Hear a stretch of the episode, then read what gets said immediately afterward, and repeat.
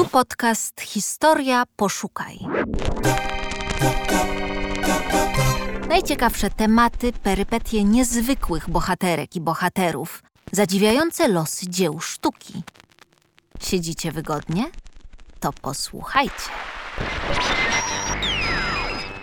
Sport samochodowy ma w Polsce tradycję dłuższą niż wskazywałyby na to jego osiągnięcia. Pierwszy rajd na ziemiach polskich odbył się w 1913 roku na trasie z Warszawy przez Łódź, Radom, Lublin do Zegrza. Po I wojnie światowej rajdy zyskały większy rozmach, obejmując Tatry i Kresy. Choć wyścigi samochodowe były domeną high society, to zaszczepiły one marzenie o czterech kółkach wielu Polakom. Organizacją rajdów zajmował się Automobil Klub Polski, który powstał w 1921 roku. Środowisko miłośników czterech kółek składało się głównie z ludzi zamożnych, ziemian i przedsiębiorców, a także arystokratów. Nie brakowało także dobrze sytuowanych oficerów Wojska Polskiego. Warunek przynależności do automobil klubu stanowił bowiem własny samochód, luksusowy towar, od 1922 roku obłożony podatkiem liczonym od konia mechanicznego. W latach dwudziestych ulubionymi wozami wyścigowymi były długonose Austro-Daimlery i Bugatti. Samochody te rozwijały prędkość do 200 km na godzinę. Sport samochodowy nie stanowił czczej wymówki dla spotkań wyższych sfer. Zachowane regulaminy rajdów świadczą o wysokich kwalifikacjach ich uczestników.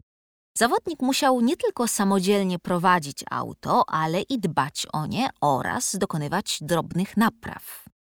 Punkty karne przyznawano za skorzystanie z pomocy osób postronnych, ale także za dolewanie wody do chłodnicy na trasie, złamanie resora, a nawet uszkodzenie karoserii.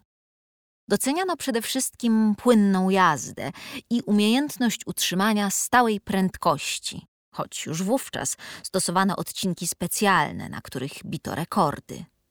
Dla podniesienia trudności rajdów organizowano je w nocy albo w trudnym terenie. Odrębną dyscypliną były rajdy turystyczne, w których ścigano się mniejszymi samochodami.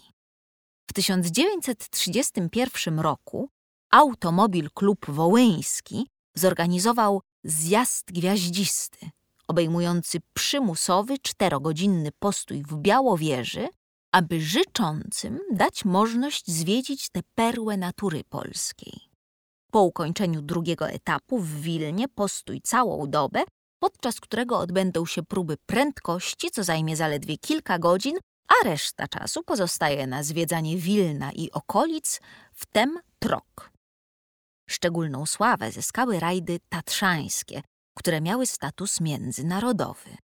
Wśród zawodników znalazły się także kobiety. Organizowały one osobne rajdy pań w samochodach o mniejszych osiągach.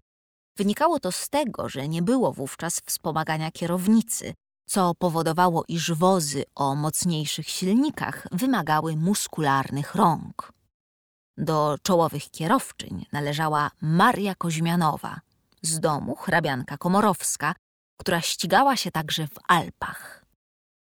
W klasie samochodów turystycznych startowały tańsze, ale wytrzymałe Tatry i Pragi produkcji czechosłowackiej oraz niemieckie DKW. W rajdach rzecz jasna brały udział Fiaty 508, wytwarzane na licencji w Polsce. Przez całe dwudziestolecie wyścigi samochodowe budziły sensacje w polskich wioskach i miasteczkach. W Zakopanem, pod wpływem rajdów, jak wspominał Rafał Malczewski, wielu tubylców zaczęło zastępować konne pojazdy taksówkami, rozwożąc gości w zawrotnym pędzie po bezdrożach pod Tatrza.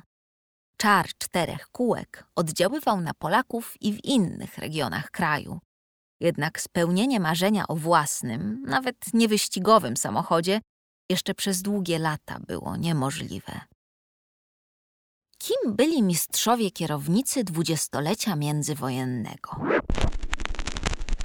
Odpowiedź na to pytanie znajdziesz na portalu Historia Poszukaj w artykule Michała Zarychty pod tytułem Spiskiem opon po bezdrożach. Rajdy automobilowe w dwudziestoleciu międzywojennym. Historia. Poszukaj